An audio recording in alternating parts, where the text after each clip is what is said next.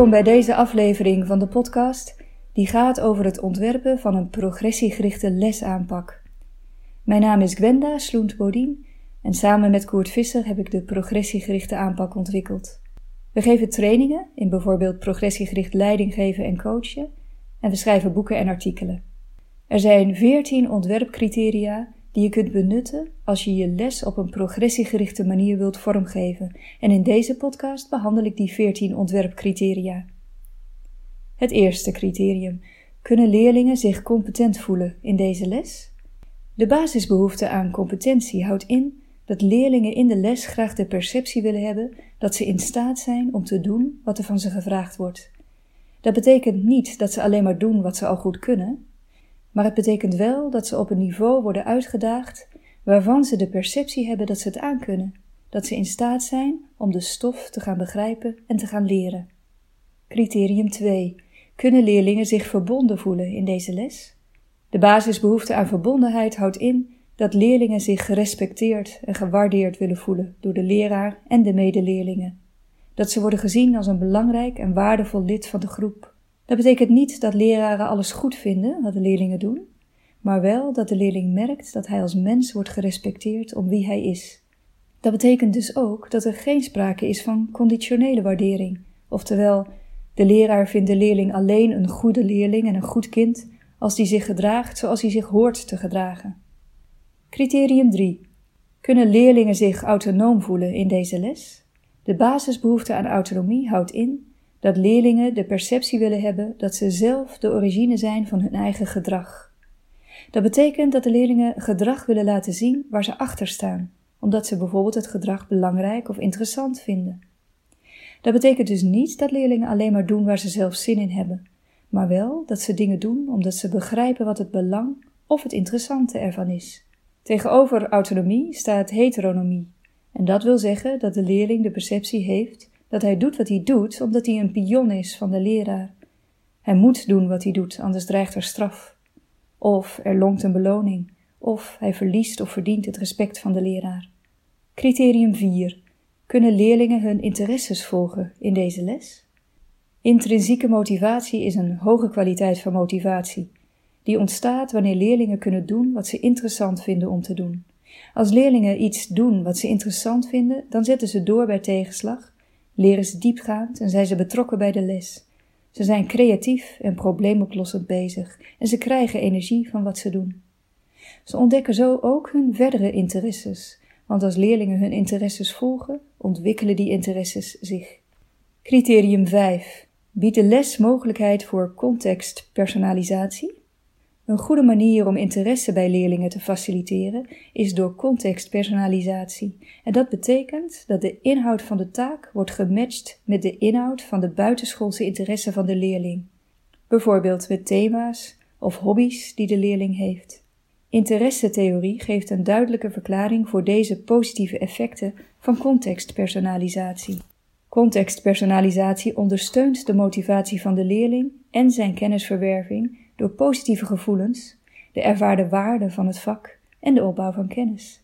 En dat zijn drie kerncomponenten van individuele interesse. Positieve gevoelens of affect ontstaat als de interesse van de leerling wordt aangesproken direct bij de start van de les, door de stof te relateren aan een persoonlijk interessegebied.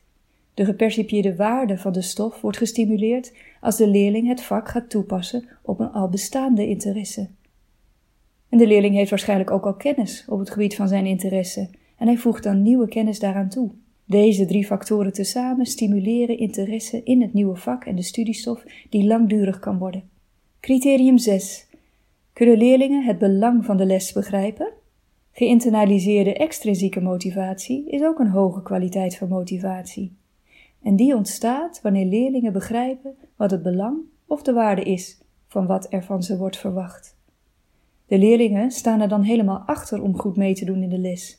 Niet omdat ze het zo leuk vinden of interessant, maar wel omdat ze het belang begrijpen van wat ze aan het leren zijn.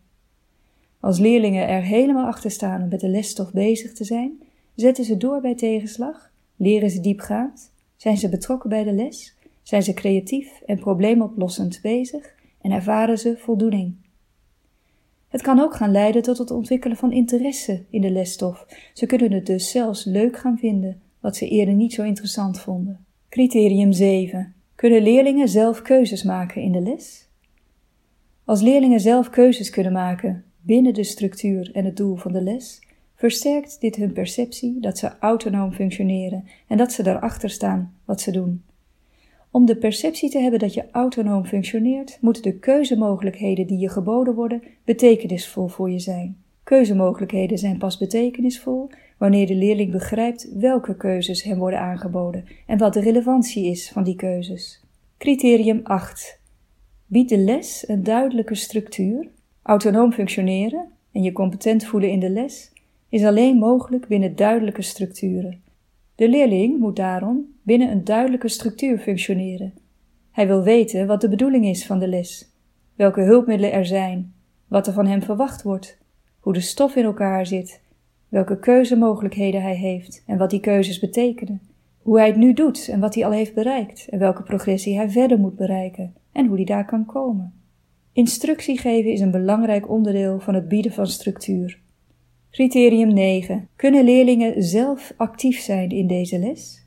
Leerlingen die zelf actief bezig zijn met de lesstof en met de materialen leren diepgaander, omdat ze de stof actief verwerken en relateren aan hun eigen ervaringen. De lesmaterialen worden dan ook het best niet gemonopoliseerd door de leraar, maar worden beter ter beschikking gesteld van de leerlingen zelf, zodat die er actief mee aan de slag kunnen gaan.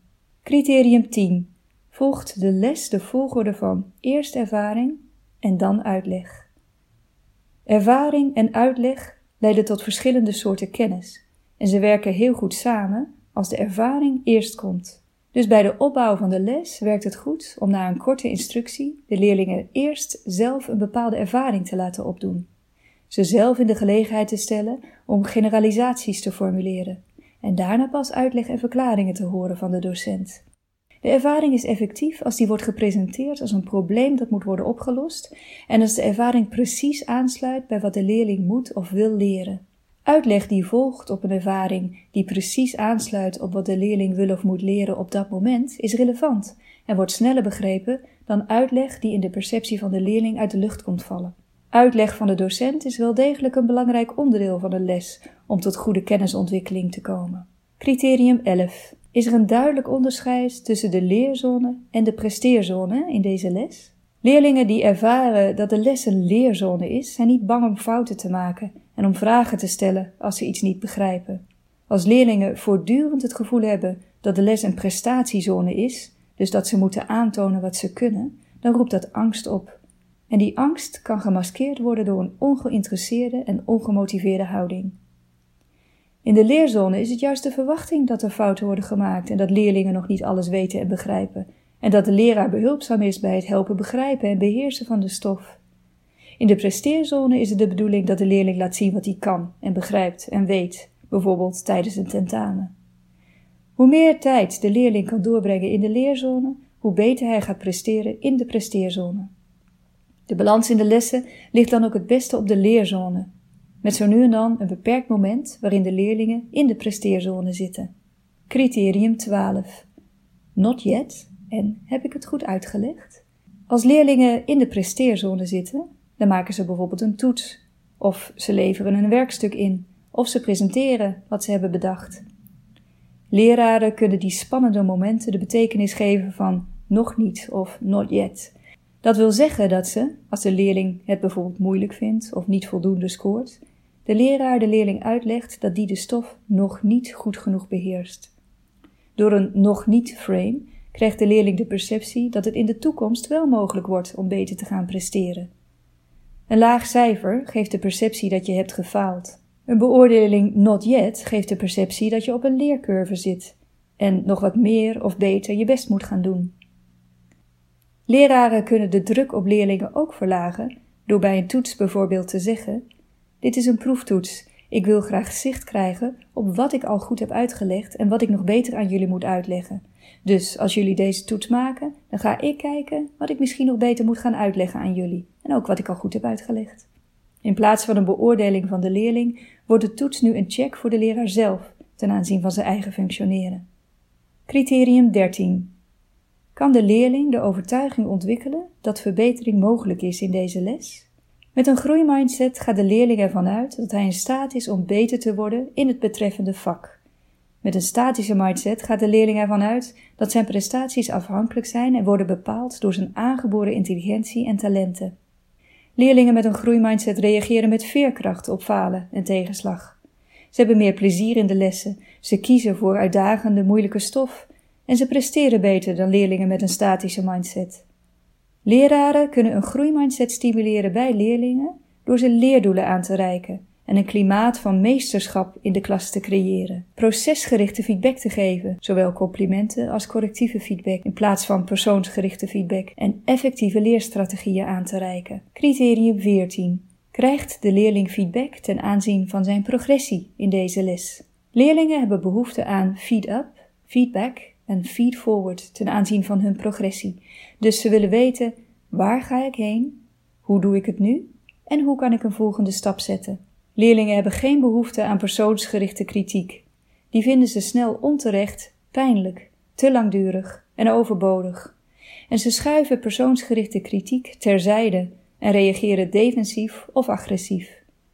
Feedback over hun resultaten zijn alleen nuttig wanneer die feedback wordt gecombineerd met een uitleg van wat ze al goed hebben gedaan en waar verbetering nodig is. Feedback op proces werkt het beste. Dat is dus feedback die gaat over de gevolgde aanpak, strategieën en het gedrag van de leerling. Positieve procesfeedback werkt het beste, omdat dan de perceptie van competentie en verbondenheid wordt versterkt en leerlingen informatie krijgen over wat ze al doen wat goed werkt. Negatieve procesfeedback werkt alleen als de leerling duidelijk zicht krijgt op wat en hoe hij het anders moet gaan aanpakken, dus zijn strategie, zijn aanpak en zijn gedrag. Met deze 14 ontwerpcriteria kunnen progressiegerichte docenten hun les op een progressiegerichte manier gaan voorbereiden en aanpakken. Meer lezen kan bijvoorbeeld in het boek Progressiegesprekken en meer leren kan in een van onze trainingen. Kijk maar op www.cpw.nu.